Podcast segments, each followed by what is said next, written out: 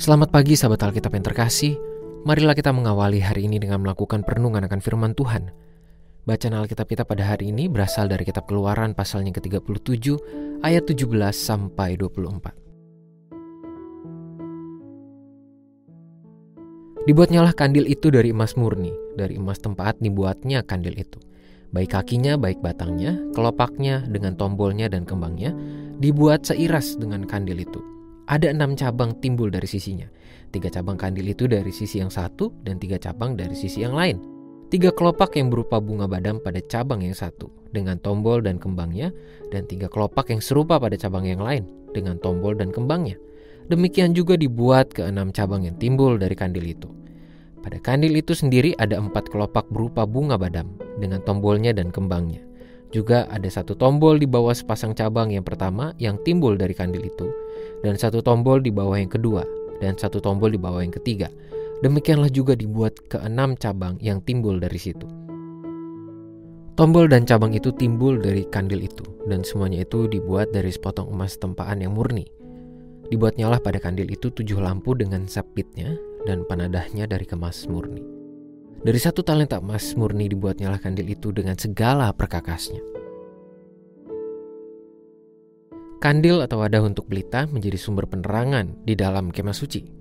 Hal ini sangat berfungsi untuk memberikan panduan bagi seluruh imam dalam beraktivitas di dalam kemah tersebut. Namun nilai dari kandil tidak hanya berhenti pada fungsi fisik, melainkan memiliki hubungan dengan peran Tuhan dalam kualitas iman orang Israel. Berulang kali kita dapat melihat bagaimana Tuhan menggunakan api atau terang untuk melambangkan kehadirannya. Misalnya pada saat ia berjumpa dengan Musa dan memimpin bangsa Israel selama perjalanan menuju tanah perjanjian. Terang selalu menjadi elemen dalam kehadiran dan nilai kehidupan iman umat percaya.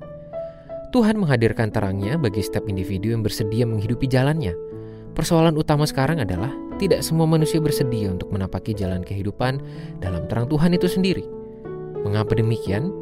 Hal ini dikarenakan berada dan menghidupi jalan Tuhan membutuhkan komitmen dan tekad yang teguh untuk terus berada di jalur tersebut. Ditambah, seperti pernyataan yang juga sudah Tuhan Yesus sampaikan, bahwa hidup di dalam dan sebagai terang berarti siap untuk terlihat. Ini bukan berarti setiap umat Tuhan berusaha mencari perhatian orang banyak, melainkan setiap hidup orang yang berada dalam terang Tuhan akan menghasilkan sikap hidup yang juga sesuai dengan kebenaran firman-Nya. Dan hal ini tidak bisa dipendam begitu saja. Justru setiap umat Tuhan memiliki peran untuk memancarkan terang sinar Tuhan untuk mengiluminasi seluruh dunia dengannya.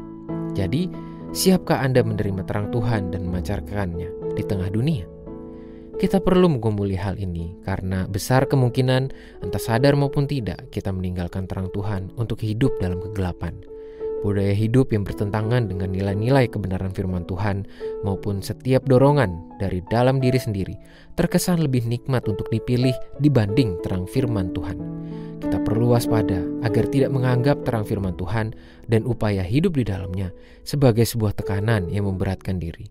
Justru kita perlu bersyukur dan menjaga terang Tuhan agar terus dapat kita terima serta pancarkan.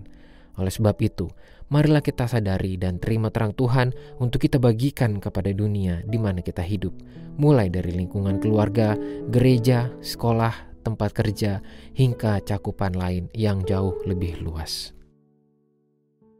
Marilah kita berdoa. Tuhan, sumber terang kehidupan kami. Terima kasih untuk setiap pancaran yang boleh kami terima darimu. Biarlah terang yang kami terima dan kami rasakan dari Tuhan boleh kami jaga dan kami pancarkan melalui setiap sikap kehidupan kami. Biarlah kemuliaan Tuhan selalu nyata dan boleh kami bagikan di mana Tuhan mengutus kami. Hanya di dalam nama Tuhan Yesus Kristus kami berdoa dan mohon. Amin.